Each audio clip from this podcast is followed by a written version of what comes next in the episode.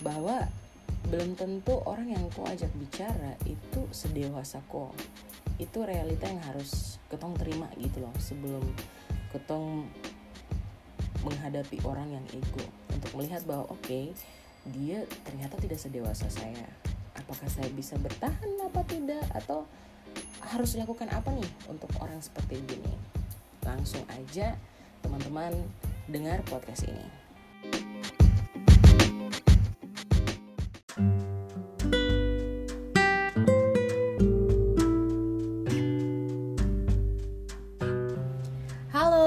semua, selamat hari baik. Selamat datang kembali di podcast cerita seru bareng Jenny Karai. Hari ini kita akan ngebahas lanjut tentang uh, meredam ego bagian kedua. Ini bagian terakhir ya, jadi nanti besok itu episode baru podcastnya udah nggak ada lagi tuh meredam ego 3456 jadi ini sudah final banget untuk topik meredam ego. Karena kita itu mau siap-siap teman-teman untuk masuk di uh, episode podcast berikutnya itu tentang topik pacaran beda usia. Seru kan? Jadi ya udah, kita masuk aja ya di topik meredam ego bagian kedua ini. Jadi setelah kemarin kita orang bahas tentang gimana sih cara meredam ego dalam tong punya diri sendiri. Sekarang itu uh, kita akan ngebahas tentang kalau orang yang egois tuh bagaimana ya? Jadi biar podcast ini udah seimbang. Jadi ketong bukan cuma bahas orang lain kepada kita tapi uh, kita juga gimana kita kita setelah kita sudah selesai orang lain gimana jadi sama-sama ada dua sudut pandang yang bisa teman-teman pelajari untuk teman-teman punya diri sendiri ataupun dengan orang lain. Tapi sebelum Jenny Karya mulai jangan lupa ya untuk follow, subscribe dan juga berikan bintangnya teman-teman di Apple Podcast atau di Spotify dan jangan lupa dibagikan. Ya, kita masuk kepada yang pertama. Kalau misalnya ketong menghadapi orang yang depo ego lebih besar daripada ketorang bagaimana? Yang pertama, kok harus terima kenyataan bahwa dong memang terpunya punya apa ya penghargaan terhadap ko dan orang lain. Bahwa kok mau sekeras bagaimanapun, kok mau sekuat bagaimanapun, kok mau minta dimengerti sedikit gimana pun, dong tidak bisa kasih itu ke ko kadang banyak orang tidak bisa terima kenyataan bahwa orang di depannya ada orang itu maksudnya bisa berubah bisa tapi butuh waktu lama gitu. Karena dong tidak bisa terima itu akhirnya dong mengharapkan uh, dihargai secara instan saat itu juga. Wah itu kalau kayak begitu tuh kami siap-siap nanti konflik saja di situ. Terus yang kedua jangan berupaya untuk rubah dia. Karena sifat dasar seseorang itu bukan hal yang mudah untuk diubah. Dan itu butuh waktu bertahun-tahun. Saya percaya teman-teman pahami ini. Karena ketong bukan ketong bukan ada di satu tempat KKR besar tiba-tiba kok didoakan dan kok berubah. Tidak. Hal kayak begitu tuh mungkin hanya satu banding sekian juta kasus gitu.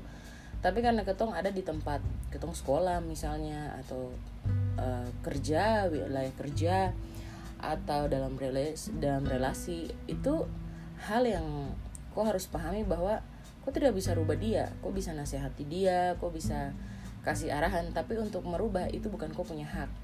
Jadi daripada nanti kau kecewa karena segala hal tidak sesuai dengan apa yang kau mau ingatkan kau punya diri selalu bahwa oke okay, bisa rubah dia Satra bisa rubah dia dan itu akan buat kok akhirnya paham bahwa kalau orang tidak bisa berubah terus menerus setelah kok kasih kesempatan banyak mungkin kok harus pertimbangkan kembali.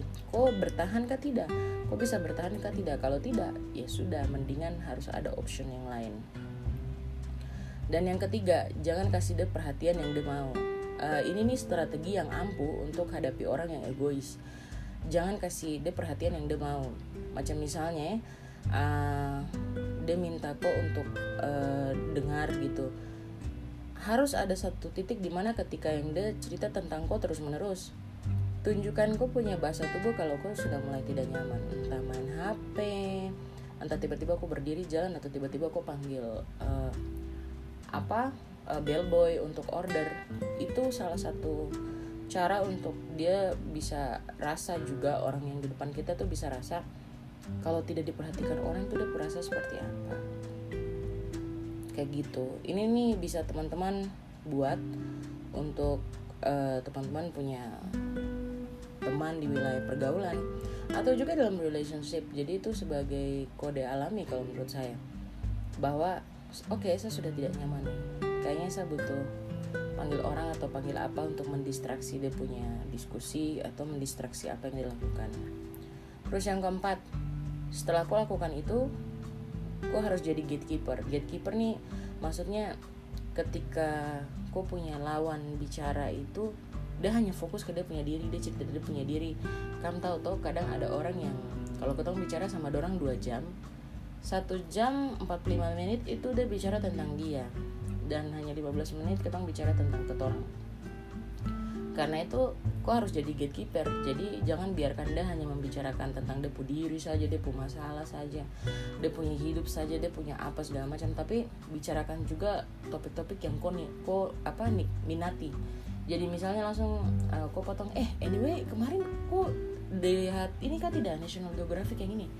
Ah jadi ada ada ada apa ya? Ada ada pemotong gitu loh. Bahwa oke okay, enough untuk bicara tentang ko bicaralah sekarang tentang topik yang saya juga suka jadi bisa sama-sama suka. Kayak begitu. Ini nih bagus kalau kau buat dengan teman yang kau sudah tahu ya maksudnya teman yang kau sudah beberapa kali jalan keluar sama dia. Jadi kau tahu dia punya interest sama kau tuh yang sama tuh apa. Tapi kalau yang baru baru saja kau had baru saja kau temui ya kau bisa pakai cara yang ketiga tadi pakai distraksi. Baru terus tiba-tiba masuk lompat ke dalam pembicaraan yang baru Terus yang kelima, sampaikan kritik dan saran dengan lembut dan baik. Nah, kadang kan saat orang emosi terus tong kehilangan kesabaran untuk menghadapi orang yang egois, itu kadang kata-kata yang ketong kasih keluar tuh itu bisa bikin dong sakit hati luar binasa. Saya sendiri alami hal ini, jadi makanya kalau saya marah, kalau saya marah ya, kalau Jenny Karai marah, itu saya nggak bisa langsung bicara saat itu juga karena pasti intonasi nada udah beda, udah tinggi dan bahasa yang saya keluarin juga pasti tidak bakal bisa diterima gitu. Jadi akhirnya saya harus calling down dulu, kasih tenang diri dulu, baru nanti kalau lihat timing yang tepat ketika saya sudah tidak marah dan orang yang buat saya marah itu dia sudah dalam posisi tenang juga nah itu baru ketong bicara karena kalau tidak uyuh api neraka turun ke bumi saudara-saudara. Dan apa ya kalau saya lihat juga ini ini saya tidak tahu apakah teman-teman di Papua juga rasa ketidak kayak macam rasa tidak enak rasa sungkan rasa malu hati. Ah itu tuh harus dikurangi karena ketika kau sampaikan kritik dan saran jangan sampai rasa sungkan itu buat kau akhirnya kau tidak mau sampaikan kritik dan saran itu karena beberapa orang sahabat teman-teman di di sini juga kayak begitu. Malu hati karena ini malu hati karena itu terus dong tidak kasih tahu terus ujung-ujungnya dia bilang aduh ketemu mau kasih kok tapi ketemu malu hati jadi ketemu tidak kasih tahu. Padahal kalau saat itu mereka tidak malu hati dan mereka kasih tahu mungkin saya bisa perbaiki beberapa hal sebelum akhirnya itu tidak bisa diperbaiki lagi. Dan juga uh, saya lihat sih mostly kebanyakan ini untuk teman-teman yang ada darah Jawanya. Tapi juga teman-teman dari Ambon juga kayak begini jadi ada rasa malu hati dong bilang. Kalau ketong di Jepur ketemu hitung sungkan ya. Ah, hitung tera enak tong tera enak hati ya. Itu biasanya anak-anak Papua ada orang punya bahasa. Tapi ingat karena kau sayang sama kau teman atau kau punya partner kerja atau kau punya kekasih makanya kau sampaikan kritik sama saran ke dia. Malah kau lebih berdosa ketika kau tidak sampaikan saran dan kritik ini terus kok kasih biar dia jatuh di lubang yang sama berkali-kali? Lebih lebih parah yang mana coba? Teman-teman pikirkan kembali. Jadi jangan pernah sungkan untuk kasih kritik dan saran ke orang yang uh, jadi kop teman atau jadi kop kekasih atau kop punya partner kerja. Karena itu artinya kau sayang dorang dan kau mau dorang bertumbuh dengan baik. Dan juga uh, ini masih terkait sih sebenarnya sama poin 5 bahwa kok harus ingatkan dorang terus menerus kalau dunia ini terus selalu berpihak sama dorang? Jadi matahari Merkurius Venus bumi Mars ini tidak cuma kelilingi dorang saja. Jadi harus kasih tahu dorang bahwa dunia ini tidak selalu tentang dorang. Dorang juga harus belajar untuk melihat orang lain. Itulah kenapa uh, yang di saran kelima itu penting sekali bahwa ketong harus jadi reminder. Selain ketong jadi gatekeeper ketong jadi reminder ketong juga harus uh, tetap sampaikan kritik dan saran. Karena saya belajar ya saya punya persahabatan yang long last. Itu tidak ada tidak ada yang tanpa konflik. Semua tuh ada konflik. Hanya yang membuat saya punya persahabatan itu long last adalah ketika saya salah dong koreksi dan saya terima dan saya merubah dan saya jadi pribadi yang lebih baik ketika berteman dengan orang. Makanya kalau macam kok berteman dengan orang itu nanti kan ada yang kau rasa bahwa kok akan mengarah ke semakin baik atau semakin tidak baik. Yang salah adalah ketika kau dikasih kritik dan saran terus kau tidak terima terus kau rasa kau rasa kau tuh yang paling benar. Ah itu hati-hati karena yang kayak podcastnya Jili Karai sebelumnya yang saya ngomong ke teman-teman bahwa ketika kamu ngerasa kayak gitu hati-hati bahwa ego lagi mempermainkan kamu. Jadi itu juga perlu kesadaran. Selain perlu kesadaran diri ketong juga perlu orang lain untuk sadarkan. Kayak gitu. Jadi tetap ingatkan juga bahwa aduh weh hidup ini bukan tentang kau saja. Ketong harus urus ini urus itu urus orang lain juga bantu orang lain juga. Ketong harus berbagi. Dan yang ketujuh itu jangan mengalah terus menerus ada teman-teman yang uh, tanya kepada saya di uh, list pertanyaan ya yang saya kasih teman-teman. Jadi saya kasih insta story saya bilang wih kalau kamu punya pertanyaan tentang meredam ego kasih masuk. Ini salah satu pertanyaan yang dikasih masuk gitu kak kalau misalnya hadapi orang egois itu tong harus mengalah terus menerus kak. Tidak. Kalau kau mengalah terus menerus akhirnya kau sedang kasih makan orang itu punya ego dan kalau kau kasih makan terus menerus itu nggak akan semakin baik tapi semakin tidak baik. Kayak begitu. Karena cara menghadapi orang yang egois itu adalah uh, jangan selalu ngikut keinginannya juga gitu. Biar dia juga belajar bahwa oke okay, uh, eh, di titik ini ternyata saya salah di titik ini ternyata pemikiran saya sempit nih temannya saya tuh ternyata ada yang punya pemikiran lebih luas dan saya harus ikut itu. Karena mau ketong bicara ya dalam konsep sebagai pasangan dalam relasi atau sebagai teman itu penting. Penting untuk uh, jangan mengalah terus menerus jadi saya sebenarnya tidak begitu setuju dengan um, satu tagline satu tagline atau quotes ya mungkin tagline ya namanya. Satu tagline yang bilang begini yang waras yang ngalah.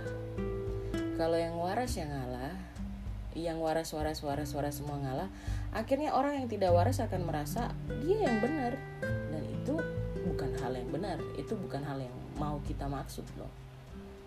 Kayak gitu.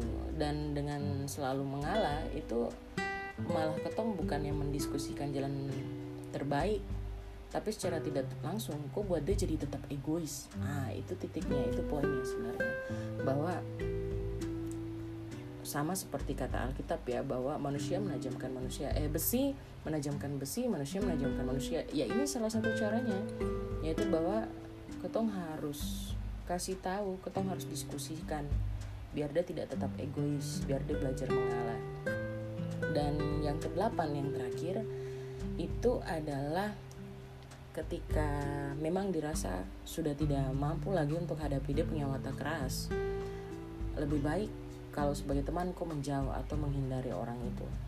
Dan kalau dalam relationship ketika saya pribadi juga sudah kasih tahu kasih tahu kasih tahu kasih tahu kasih ingat terus menerus akan ada sampai di titik saya harus kasih tinggal orang itu.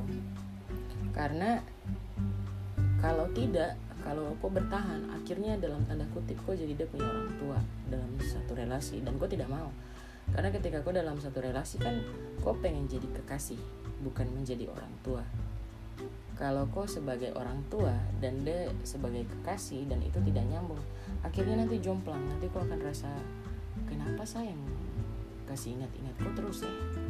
Saya juga mau dikasih ingat. Nah itu semula tidak stabil. Kalau dalam persahabatan ketika kau punya teman keras kepala terus menerus dikasih ingat sama teman-teman bukan yang dikasih ingat bukan cuma satu orang tapi 10 orang 15 orang. Dan tetap keras kepala oke okay. jauhi hindari orang itu.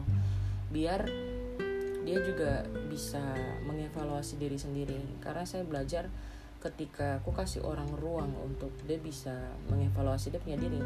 Nanti lama kelamaan dia akan sadar ih akhirnya dia nanti lihat pola sendiri entah cepat atau lambat dia akan lihat pola. Aduh sapu teman ini? Dia menjauh dari saya. Sap teman itu juga menjauh dari saya. Ada apa ya? Ada yang salah kah? Nanti mereka sendiri kasih mereka ruang untuk mereka sendiri yang datang ke kamu. Untuk ngomong ih kenapa kah? Saya rasa kamu semua menghindar dari saya. Itu nanti akan jadi pintu yang baik untuk kok kasih naik ke langkah yang di atas yaitu ingatkan mereka dan juga nasihati mereka sampaikan kritik dan saran. Seperti itu. Jadi uh, untuk poin yang ke-8 ini ini poin yang paling paling apa ya kalau saya bilang paling final kayaknya. Final ketika kau sudah berusaha tapi karena keras kepala egois tingkat dewa dewi udah lepas dulu. Kasih uh, jarak dulu set the boundaries dulu. Jangan sampai kok mau dekat dekat dekat dekat akhirnya ya itu tadi dia bukan semakin baik tapi dia semakin egoisnya semakin tinggi. Ah itu yang salah. Dan saya belajar juga di poin ini bahwa tidak semua orang tuh punya level kedewasaan itu sama kayak kok tidak. Dan akhirnya yang lebih dewasa mau tidak mau harus belajar untuk bukan hanya mengalah tapi mendidik kalau saya bilang. Jadi mendidik orang tersebut untuk semakin lebih baik tapi ketika orang yang kamu mau didik itu ternyata tidak mau dididik ya udah set the boundaries kasih jarak dulu agar mereka paham mereka salahnya di mana agar mereka bisa mengevaluasi diri mereka sendiri dan semakin lebih baik. Nah, itu dia teman-teman langkahnya dan ini saya akan nutup uh, podcast ini dari episode meredam ego ini saya akan menjawab beberapa pertanyaan dari teman-teman di Instagram ya. Uh, underscore Yunita dampak meredam ego ini saya sudah jelaskan di podcast pertama ya ketika kau bisa meredam kau punya ego kehidupan makin bisa kau nikmati karena banyak orang percaya sama kau dan kau punya jalan dalam bidang sosial ya itu tuh makin luas makin makin besar karena orang suka bergaul sama kau dan kalau untuk saya pribadi kepercayaan orang juga jadi lebih banyak. Karena akhirnya aku belajar untuk mendahulukan orang lain daripada aku punya diri sendiri. Terus dari Ed Marta Fakdawer gimana sih kak cara ngontrolin ego? Kadang saya terasa sadar kalau saya sering melakukan itu. Nah ini silahkan dengar uh, podcast meredam ego satu ya karena kalian sudah jelaskan panjang lebar di sana Ed Tia underscore. Gimana cara kita hadapin orang yang egois banget? Ah dengar podcast ini dari awal sampai akhir pasti udah kejawab. At Gibraltekial Kapan orang egois sadar? Apakah mesti dimiskinkan keluarganya? orang egois sadar dan tidak itu adalah ketika rasa dia ingin belajar itu sejalan dengan bagaimana orang-orang di sekelilingnya mendidik dia. Jadi kalau macam kau mengalah-mengalah terus ya dia akan tetap egois. Tapi ketika kau didik didik dalam hal ini yaitu kau sebagai pengingat, kau sebagai gatekeeper, kau sebagai orang yang menasehati memberikan kritik dan saran semoga dia akan cepat sadar tapi kalau memang dia terlalu sadar-sadar kembali lagi set the boundaries at Valentina Liu Valentin iya Valentina Liu makin lama pacaran kok aku malah makin ego kak. Makin cepat marah. Hihihihi karena ketika aku pacaran awal kan sama-sama pakai topeng tuh. Jadi masih kalau saya bilang tuh bulan promosi gitu. Masih sweet sweet sweet. Ke mana-mana tuh kayak honeymoon sama-sama begitu. Tapi ya itu tadi orang kalau pakai topeng kan tidak akan selamanya bisa. Pasti kok akan sumuk kalau macam makin lama pacaran terus malah makin egois berarti memang that's the real of you deh dan itu jadi PR kamu untuk oke okay, saya belajar untuk meredam saya belajar untuk mengalah kayak gitu. Dan ini dari at Joseph Joseph Kluivert underscore. Semua harus ikut dong pu mau. Kalau salah sedikit bisa. Memang dong cari manusia yang sempurna kah ini kalau teman-teman lihat ya maksudnya kadang seegois-egoisnya kita tuh ada orang yang lebih egois gitu loh. Yang kalau ketemu salah sendiri terus dong aku salah begini Padahal kalau ada orang yang salah bagaimana coba? apakah ketong punya respon sama sama orang apa tidak? Kalau memang dong tidak dong tidak memberikan banyak benefit ke dalam kau punya hidup dan kau merasa tidak berkembang ya udah set the boundaries cari uh, relasi yang baik dengan orang-orang baik. Orang baik itu sebenarnya banyak loh teman-teman. Cuma ketong harus mengeksplor dunia ini untuk menemukan mereka. Dan yang terakhir dari Ed Maria Dotrumere kalau tong sedang berusaha meredam ego untuk seseorang tapi dong tidak hargai bagaimana kakak. Kalau dari langkah 7 sampai eh langkah 1 sampai 7 dong tidak ngefek. Berarti kau harus ke langkah 8 set the boundaries. Kasih pisah diri. Daripada kau capek? Nanti pikir-pikir dorang terus. Ingat loh ketemu itu kalau keriput itu perawatan mahal. Jadi sayang-sayang diri sendiri ya. Oke teman-teman terima kasih banyak udah mendengarkan podcast Jenny Karai tentang meredam ego bagian kedua. Dan jangan lupa untuk subscribe, follow dan juga kasih bintang ya teman-teman untuk perkembangan podcast ini. Dan jangan lupa ada diskusi tentang uh, pacaran beda usia di Instagram story-nya Jenny Karai. Teman-teman bisa berpartisipasi di sana. Terima kasih teman-teman. Jangan lupa juga untuk share dan juga kasih masuk di media sosialnya teman-teman ya tentang podcast meredam ego bagian kedua ini. Terima kasih banget teman-teman yang udah dengar dari awal sampai akhir dan juga mendukung podcast ini. Sampai ketemu di podcast berikutnya. Dadah.